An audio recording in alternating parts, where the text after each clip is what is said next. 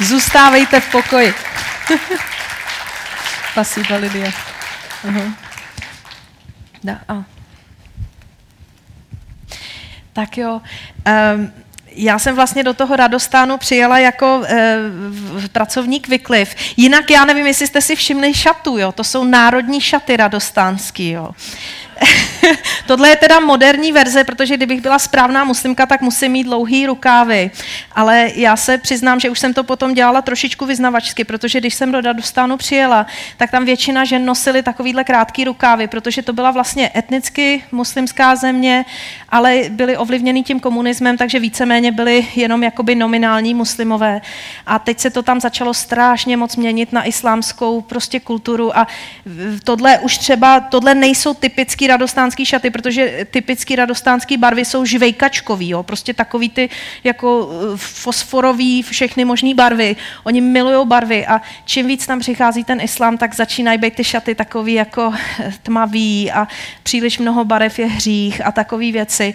Takže já někdy schválně nosím to, co se tam nosilo, když já jsem tam přijela poprvně, protože eh, si říkám, bojovali o svobodu, tak ať si ji nenechají vzít. Tak, to je dlouhý úvod. Eh, takže eh, vlastně eh, Kuba mě poprosil, jestli bych vám trošičku pověděla svůj příběh a jestli bych mohla ukázat, jaký má Bůh srdce pro misi. A tak jsem si říkala, že možná povím něco o svém povolání. Já jsem, teda říkám, v tuhle chvíli pracuji pro organizaci Wycliffeovi překladatelé Bible a to vám ještě povím o tom.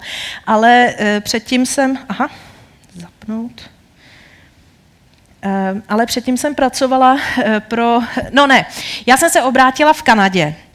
Bylo mi 21 a eh, hledala, hlídala jsem tam děti a byla jsem katolička z velice z takový klasický katolický rodiny. Tatínek je z deseti dětí a prostě naše rodina to bylo opravdu sloup katolické církve v té naší oblasti, kde jsme byli. Na Češ já jsem prostě, my jsme všichni jako nějak se snažili žít pro Boha, ale všechno to byly pravidla zvenčí, když bych to měla nějak jako schrnout.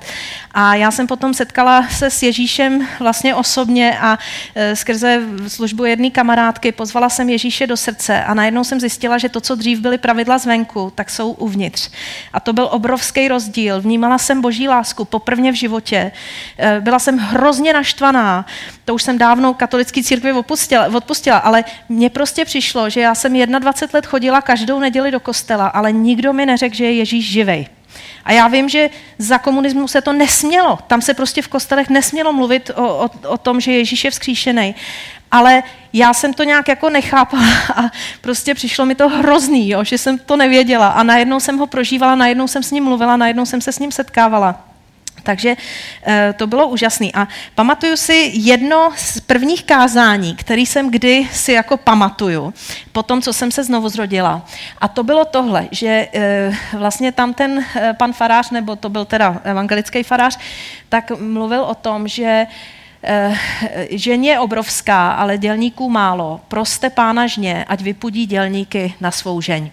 A já jsem vlastně viděla, když on to tak řekl, tak on řekl, váš úkol jako úkol církve je, že se musíte modlit za to, aby pán Bůh povolal dělníky na svoji žeň, protože těch dělníků je moc. A teda je málo a ty, těch po, ty eh, potřeby je moc. A já musím říct, že až mnohem později jsem našla, co předchází těm veršům. Já jsem se věrně to začala modlit a nevěděla jsem, že pán Bůh tu moji modlitbu vlastně odpoví na mě samotný. Ale když se podíváte předtím, tak tam je, když se díval na zástupy, byl pohnut soucitem k ním, protože byli strápení a zmatení jako ovce bez pastýře. A já jsem sama, než jsem se obrátila, tak jsem byla strápená a zmatená jako ovce bez pastýře. Já si pamatuju, že jednou nějaký kazatel říkal, e, zkuste se jako zamyslet, kde byste teďko byli, kdybyste se nepotkali s Ježíšem. A mě bylo v té době asi 30 a já jsem se tak zamyslela a říkala jsem si, jo, já bych asi už spáchala sebevraždu. Protože jsem měla takový jako zvláštní dětství, pak v pubertě se začaly dít nějaké věci, které taky nebyly úplně dobré. A vlastně jako ten dospělej na začátku svého života jsem fakt byla smutný člověk, bez naděje. A Ježíš to celý úplně otočil z hůru nohama. Jo. A, takže jsem to zažila na sobě, že jsem byla trápená ovce bez pastýře. A úžasný je, že když já jsem se s Ježíšem setkala, tak Ježíš vlastně obrátil mě, proměnil můj život, pak obrátil moji rodinu, celou katolickou, moji komunistickou babičku a dědu. Jo, prostě všichni se obrátili nakonec. A pán Bůh začal obrovským způsobem měnit naše životy. A e, musím říct, že teda to byla i dobrá příprava, protože táta mě strašně pronásledoval, jakože on si myslel, že jdu do pekla, když jsem odešla z katolické církve. Takže dost jako mě nadával. A pán Bůh mě naučil vždycky mu říkat, tati, já tě mám ráda, já bych hrozně tě chtěla poslechnout. Já vím, že ti na mě zále, jako, že, že ti na mě záleží, ale že já nemůžu, já musím poslouchat Boha. A tím, že jsem vždycky předtím řekla, já tě mám ráda, ale neposlechnu tě, tak táta se to nějak naučil jako přijímat.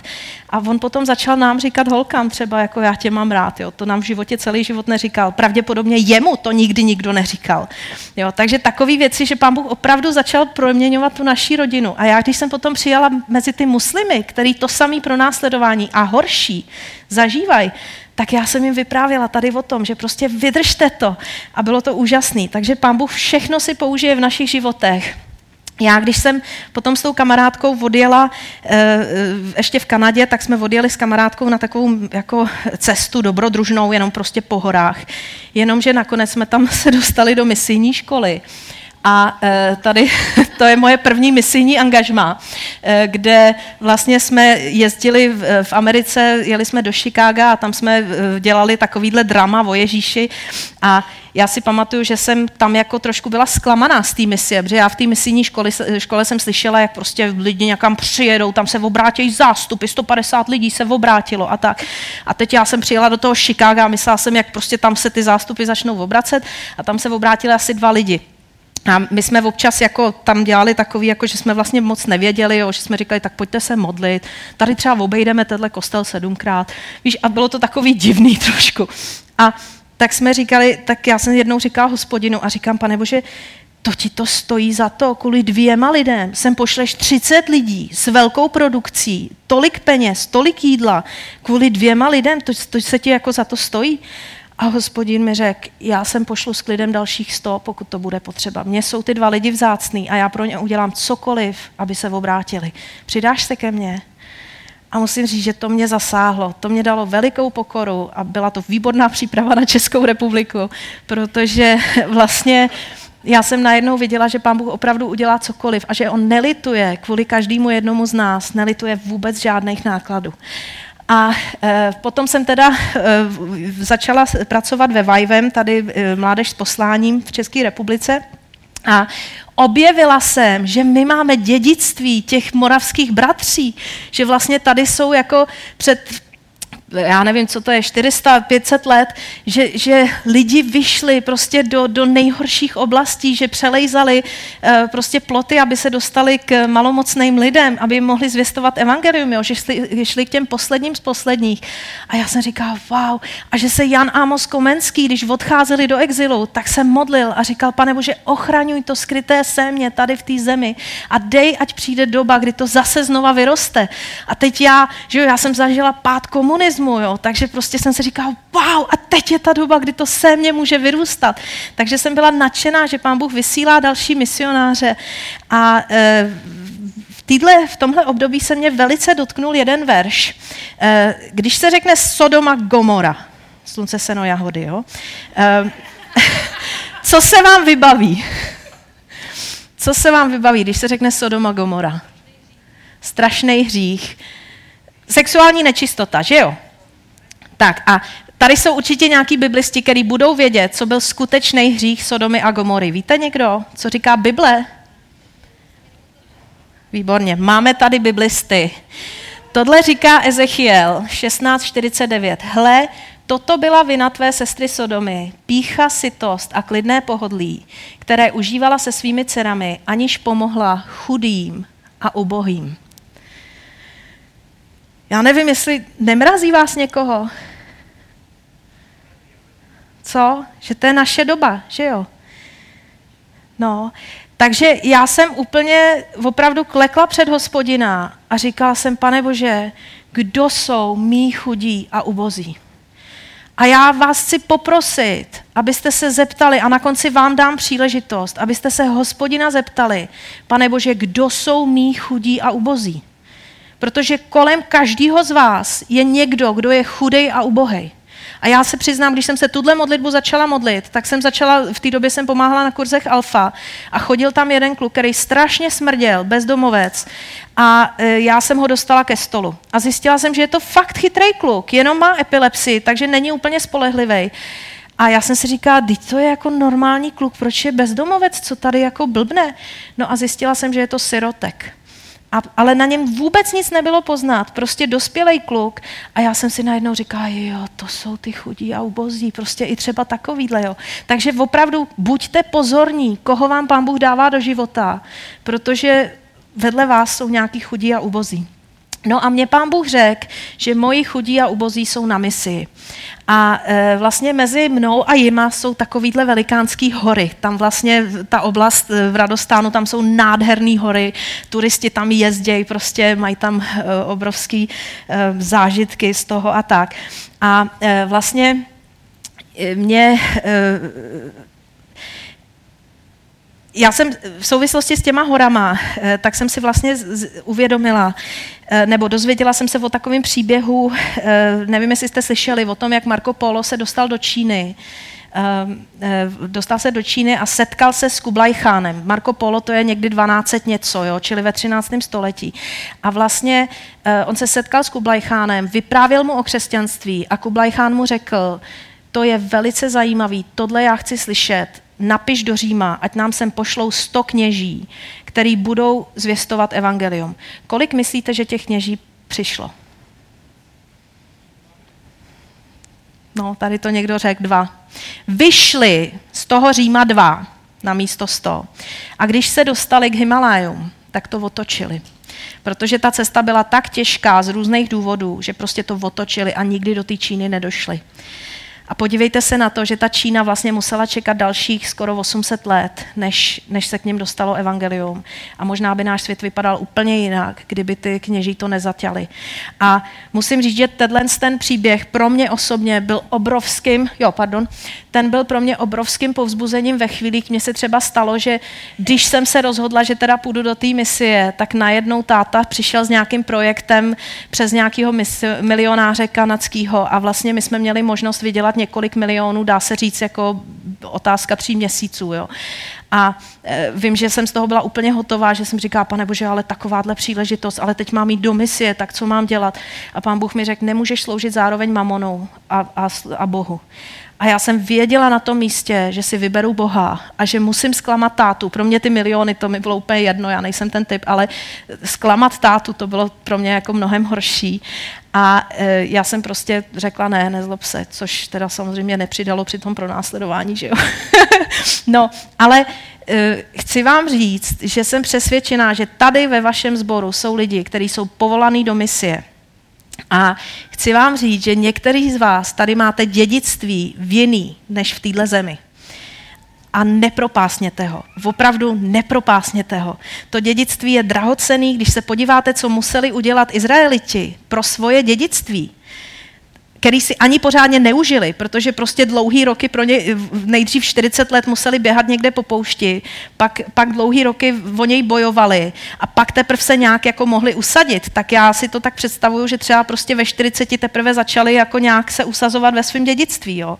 A já to tak někdy tak vnímám, protože já jsem se na misi, na tu dalekou misi dostala až v 630 letech a člověk někdy má pocit, jako že jsem promarnila život, což mi můj tatínek neustále opakoval. Ale to je oběť, kterou já důvěřuju, že když si to hospodin takhle vybral, tak já to tak budu dělat. A já mám prostě zaslíbeno, mě pán Bůh řekl, že kvůli mě uvěří tisíce lidí.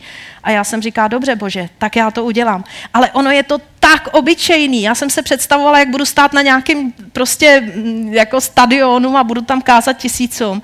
Ale ono je to o tom, že já prostě jsem pozvala, a, pardon, Nilufar, a že jsem, a že, to pak vystřihněte že jsem, že jsem vlastně, eh, že jsem pozvala Nilufar a ona, ona přišla do našeho projektu ve chvíli, kdy ten projekt byl prostě náš vedoucí projektu řek, odcházím, za měsíc odcházím. A všichni se tam hroutili a říkali, to není možný, prostě co budeme dělat, teďko nikdo tady není, tady nejsou kvalifikovaní lidi. A já jsem říká, jak není, nezoufejte, hospodin je na nebi, hospodin je král, někoho nám pošle. A já jediná jsem fakt jako prostě řekla, dost, jdeme hledat. A našli jsme úplně novýho člověka, to je právě ten dlouhý příběh, kdy ona byla zrovna v Dubaji a dařilo se jí tam dobře a už tam chtěla zůstat. A pán Bůh ji povolal dost drastickým způsobem, že prostě byla její rodina v nebezpečí života a ona tam stála v moři a viděla, jak se jí děti topí a řekla, bože, jestli mi ty děti zachráníš, tak já ti budu sloužit. Bůh jí ty děti zachránil a týden na to dostala nabídku vrátit se do své země, která je velmi nerozvinutá a sloužit Bohu. A stálo jí to od té doby strašně moc nervů a strašně moc problémů, ale ona se vrátila, protože ona tam má dědictví. A já vás fakt povzbuzuju, vy taky máte dědictví někde. Ať už je to tady v Hradci Králové, nebo je to někde na druhé straně světa. Najděte svoje dědictví a nebojte se proto něco obětovat, protože to je prostě mnohem menší, když srovnáte to, co obětujete, než to, co dáte. Já se tak strašně zakecala, nezlobte se. já se modlím, aby to pán Bůh dal. Takže podle sebe. Takže eh, já teď dělám v organizaci, která se jmenuje Wycliffeovi překladatelé Bible. A když se tady podíváte, tak vlastně eh, na světě existuje přibližně 7 tisíc jazyků. Jo, a ano, to, to totiž nejsou takový ty jazyky, jako třeba, že jo, řekne se Rusko, ale v tom Rusku žije prostě stovky dalších malých národů. Některý mají už třeba jenom dva poslední lidi, kteří mluví tím jazykem. Ten jazyk už dá se říct vymírá, ale je spousta jazyků, které jsou normálně jako děti malí tím mluvějí. A vlastně eh, vědci přišli na to, že v těch zemích, kde měli přeloženou Bibli, třeba v severní Africe, vy víte, že na začátku vlastně Bible se překládala do všech možných jazyků a potom tam přišel islám. A vlastně eh, třeba koptové, to jsou lidi, kteří měli prostě přeloženou Bibli do svého mateřského jazyka. A tyto křesťanství udrželi i navzdory těm muslimům, který se je snažili všema možnýma způsobama utlouct. Jo. Ale protože měli Bibli, tak se to udrželo. A ty národy, které Bibli neměli, tak to neudrželi.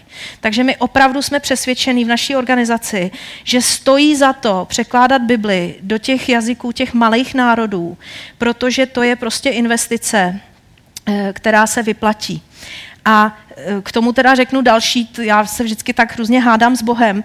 Když mě pán Bůh poslal do toho Vyklifa, tak já jsem si právě říkala, pane Bože, co tam budu dělat? Já budu sloužit nějakému národu, kde je pět tisíc lidí, kdybych mohla jít třeba do Indie a tam jsou biliony prostě lidí, kteří neznají Boha. No biliony ne, to jsou miliardy. Uh, já to říkám z angličtiny.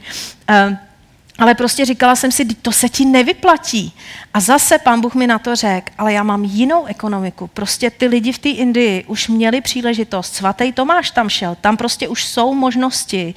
Eh, ale tyhle ty malý národy ještě neslyšeli a já nepřijdu, dokud oni neuslyšejí. Já dávám fér každému národu šanci, aby byl zastoupený před božím trůnem. A e, takže když se podíváte, tak vlastně celá Bible je přeložená do 600 e, jazyků, Nový zákon do 1400. Na překladu se pracuje 2400. A tohle třeba je úžasná věc, protože když jsem začala já tuhle práci před deseti lety, tak tohle číslo bylo uh, ani ne, jo, to bylo 2025, jo. Takže za 10 let se založila 380 nových projektů, jo. A moje organizace dokonce má ten cíl, že oni chtějí založit projekt v každém jazyce světa do roku 2025. To znamená, do šesti let pojede nějaký projekt a docela se to daří, protože ostatní organizace se k tomu přidali a lidi z celého světa se k tomu přidali. Dřív to všechno dělali američani, norové a, a brazilci a teďko to prostě, eh, nebo angličani ještě samozřejmě, na ně nezapomeňme. Ale teďko najednou se přidal prostě celý svět a je to úplně úžasný. Takže pán Bůh jedná a věřím, že i brzo přijde. No a tady to jsou vlastně ty oblasti, kde ještě je potřeba nejvíc ten překlad. Tady ta Ázie, tam je to většinou kvůli tomu, že buď jsou tam hodně silný muslimský režimy, který to prostě nepouštějí, nebo jsou tam nepřístupné hory, protože vlastně e, ty lidi žijou v jednom údolí. Taková, taková jedna e, skupina je i v Radostánu. Že to je prostě malý údolí v horách, prostě v kousek od, od cesty a tam třeba takových 20 kilometrů jsou vesničky, vesničky postupně a tam žije 7 tisíc lidí, který mluví jazykem, který je 3 tisíce let starý, ale už se nikde jinde na země kouli nemluví, jenom tady v tomhle údolí. Jo? A to údolí je tak nepřístupný, že oni se prostě nesmíchali s nikým jiným. Takže oni furt si držejí tady ten svůj jazyk. No, potom v tom Pacifiku, tam zase jsou třeba mý kolegové, kteří mi říkali, že než přijedou na ten svůj ostrov, tak jim to trvá týden jet lodí. Jo, takže proto ty jazyky se tam nepomíchaly a e, zůstaly tam. V Africe často naopak e, tomu sdílení evangelia bránějí války. Jo, tam, tam že jo, je spousta křesťanů, všichni to chtějí, ale brání tam války a brání tam nedostatek překladatelů, nedostatek misionářů nebo těch místních. No a vlastně eh, ta organizace Wycliffe to dělá tak, že většinou nejdřív se pošlou průzkumníci. To jsou lidi, kteří vlastně dokážou rozpoznat, jestli ten jazyk je jazyk nebo, nebo dialekt. Takže dokážou říct, tyhle ty porozuměj té Bibli tady vedle, ale tyhle už jí neporozuměj. A pokud řeknou, že neporozuměj, tak tam přijde lingvista, který vlastně uh, tu lingvistiku uh, Eh, začne analyzovat ten jazyk a začne prostě dělat slovník a abecedu a to všechno. A potom, potom tam přijdou lidi, kteří začnou ten národ učit číst a psát. Ale je pravda, že v posledních asi 20 letech misionáři se probudili a zjistili, že jako není úplně dobrý, uh, Děkuji. Eh, že není úplně dobrý um, Eh, jenom učit lidi číst a psát, ale že se to dá vlastně předávat i ústníma způsobama. Takže se vlastně začalo dělat eh, i vyprávění Bible právě pomocí audia, pomocí videí, pomocí eh, i třeba takových různých vyprávění biblických příběhů. To je něco, co já dělám taky. No a potom už může se tam vlastně, buď se tam založí církev, nebo ta církev už tam je a oni řeknou těm misionářům, ano, my chceme přeložit Bibli v našem jazyce a začne se překládat. Nebo často v těch muslimských zemích, tam je několik, eh, třeba v naší oblasti je několik jazyků, kde není ani jeden věřící člověk. A právě v tom jednom z těch našich malých národů se to tak stalo, že prostě jim se jenom líbilo, že se někdo konečně zajímá o ten jejich jazyk, že někdo prostě jako si váží toho jejich malého jazyka a tak řekli, tak přijďte k nám jako pracovat a e, ty misionáři s nima začali pracovat. No a oni jak začali překládat i tu Bibli, tak si říkali, to je tak krásný, to je boží slovo a prostě uvěřili tomu. Takže uh, A potom, potom teda ještě vlastně je ta Bible v praxi. To potom jsou lidi, to byla moje práce, který tam přijdou a který vlastně pomáhají církvi nebo těm misionářům vytvářet média. To znamená, tam jsou potřeba filmaři, tam jsou potřeba lidi, co píšou scénáře, eh, zpěváci, hudebníci. Jo? Tam je třeba, já jsem zjistila, že v Radostánu tam přesně poznáte, jestli ta písnička je původní, že ji složili radostánci, anebo jestli to je překlad. A já jsem nikdy nevěděla proč. A pak jsem přišla na to, že oni mají prostě jinou stupnici. Tam ty tóny jdou po sobě jinak. A tudíž jdou po sobě i jinak akordy. A ty písničky teda mají vlastně trošku jinou melodii. A tohle, na to je potřeba prostě hudebníka, který umí akordy a který mi to zanalizuje. A jeden takovej se našel, takže od té doby už můžou skládat písničky, které vypadají trošku jako jejich vlastní. No a teď já bych vám chtěla pustit, jak to vypadá, když se takový národ potom setká s nějakým tím produktem, který byl přeložený do jejich jazyka. Já už jsem ten film viděla asi po 40krát a vždycky brečím. Tak, teď vám konečně můžu říct něco o radostánu. Um, jak už jsem říkala, je to jedna z těch zemí, co končí na stán eh, ve střední Asii. A e, je to země velice krásná, jsou tam nádherné hory, e, taky nádherní lidi. E, když oni si velice vážejí krásy, takže tam všechno, tohle je už takový jako evropský, jak jsem říkala, to musí bar, být barevný, takhle, jak to přesně vidíte, ty žvejkačkové barvy. Um, no a vlastně, jak už jsem to ři- zmiňovala, tak vlastně tam roste islám. Dneska už tam spousta žen se zahaluje, i když teďko už zase uh, ta vláda si uvědomuje, že to je trošku problém, tak to začali uh, trošku potírat, ale uh, vlastně lidi mají za to, že jsou tak chudí, protože vlastně dělají něco špatně. A přišli tam muslimský misionáři, který jim říkají, no musíte dělat tohle, tohle, tohle a všechno bude dobrý a dostanete boží požehnání. A on ten islám v tomhle je nebezpečný, že vlastně řekne, to je jednoduchý, prostě ženy se musí zakrývat, muži se musí prostě, nebo všichni se musí pětkrát denně modlit a tím máte boží požehnání a jste na boží cestě. Ale já jsem to tam zažila, třeba v té mý rodině, kde jsem já žila, tak ty kluci začali chodit do mešity a protože tatínek byl v Sovětském svazu, protože teda v Rusku, protože eh, tam není práce u nás moc, tak vlastně ten nejstarší syn, 17 letý, se považoval za otce rodiny. A oni mu v té mešitě řekli, že vlastně správný otec rodiny nebo hlava rodiny eh, si hlídá ženy, aby prostě nedělali, co chtěli. Takže on vlastně začal požadovat po svý 50-letý mamince, aby se ho ptala, jestli smí jít na nákup nebo ne. Ten obchod je o dvě ulice dál. Jo. A když ona mu samozřejmě řekla, že teda jako to ne, to, to tomu nebude, jako on jí nemá co rozkazovat, tak jí začal být. A e, prostě přijde mi hrozný, že ve jménu božím, vlastně, aby dodržel boží přikázání, on porušuje boží přikázání z desatera, o kterém vůbec neví. Takže prostě fakt ta, ten překlad Bible je strašně důležitý. Um, na druhou stranu je úžasný vidět, jak se tam lidi obracejí. Eh, vlastně eh, ta, ta fotka, jenom jestli si říkáte, co to je, tak to se tam staví mešita, která bude eh, jedna z největších mešit ve střední Asii. Jo, už je skoro teda dostavěná teďko. A e, na druhou stranu prostě v církvi se lidi obracejí. My tam máme jednu třeba překladatelku, která mi vyprávěla, že, že jí Bůh řekl, že má poslat jednu z těch knih, co jsme vydali, že jí má poslat svýmu muláhovi, to je ten muslimský vedoucí u nich ve, ve vesnici. A ona řekla, bože, to je nebezpečný, to já nemůžu, to jestli on se dozví, že já mám co dělat s překladem Bible, tak mě může udat a můžou to, celou tady tu společnost zavřít. A e, pán Bůh jí řekl, ne, jenom mu to pošli. A ona mu to poslala a on jí za týden zavolal a říká, sestro, děkuju, že jste mi to poslala, to je boží slovo, já teď budu číst ten injil, to je tak úžasný. A poznal to, prostě poznal to. Eh, já už jenom vám ukážu takhle fotky, protože jsme se trošku zdrželi. Tohle je, tohle je vlastně eh, mobilní aplikace, kterou jsme my udělali, protože tam jako knihama jde velmi těžko ty věci distribuovat, na to často se nedostane povolení, ale zatím přes ty mobily, chvála pánu, to jde. Takže vlastně všechno, co je přeložené, tak se hned dá do počítačů a nakonec jsme se dostali i k tomu, že jsme dělali filmy a to je vlastně moje poslední dobrodružství. Loni jsem byla v horách právě u toho jednoho jazyka, kde 7 tisíc lidí a vlastně udělali jsme jim, to je jejich mešita, a, a udělali jsme jim vlastně e, film o blahoslavenstvích. Tady vidíte, tam, tam napravo to jsem já zakrytá a jinak to jsou všechno chlapy z té vesnice, který vlastně pracujeme nad tím scénářem, který jsem pomáhala napsat a e, lidi z té vesnice vlastně v tom hrajou a teďko letos ten film už je dodělaný a jedná se o tom, že se bude pouštět na celý vlastně e, jako na národní televizi.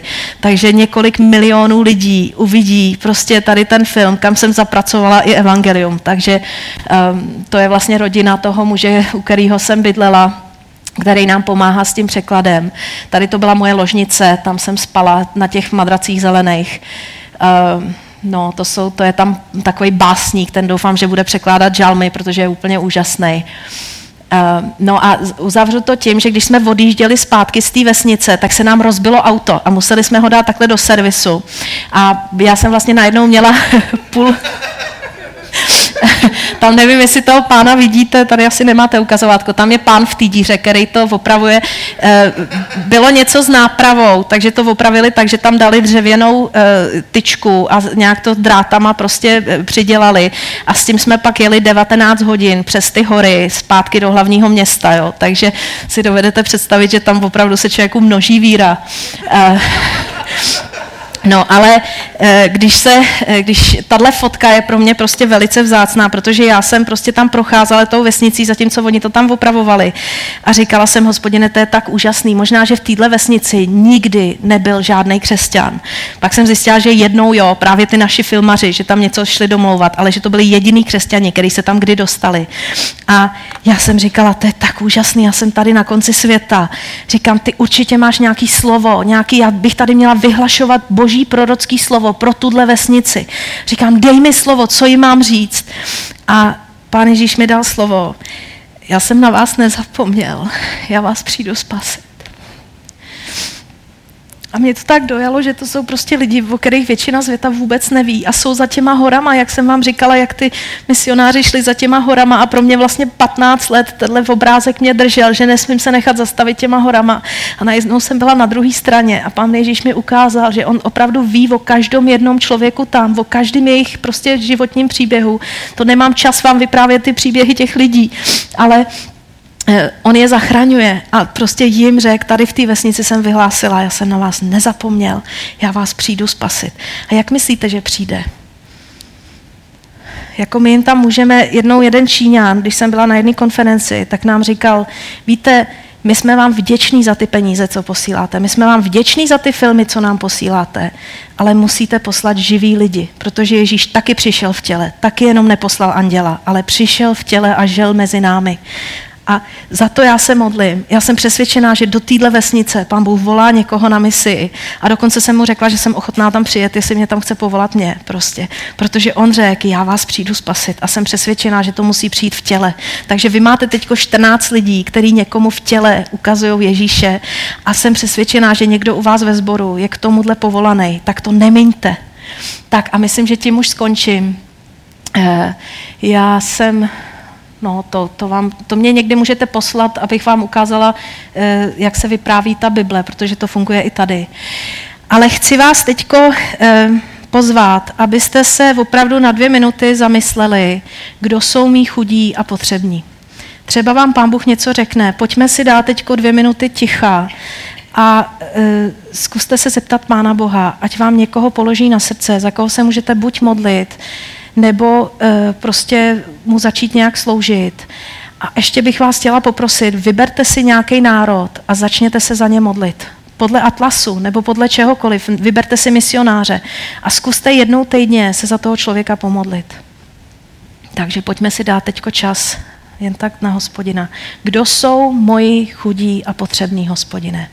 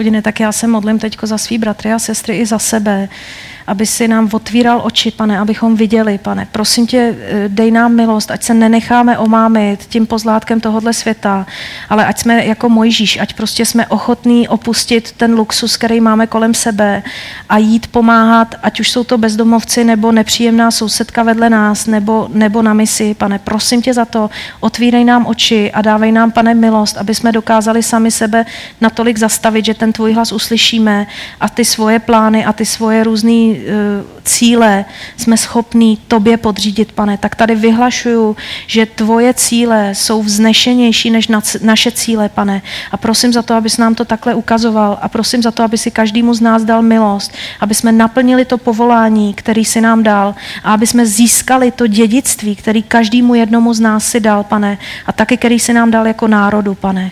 Tak teďko žehnám svým bratrům a sestrám ve jménu Pána Ježíše Krista, aby věděli, že ty jsi dobrý Bůh, pane, že ty proměňuješ jejich život a máš odpověď na každou jejich otázku a potíž a zároveň, že si je můžeš používat k proměně i druhých národů a druhých lidí.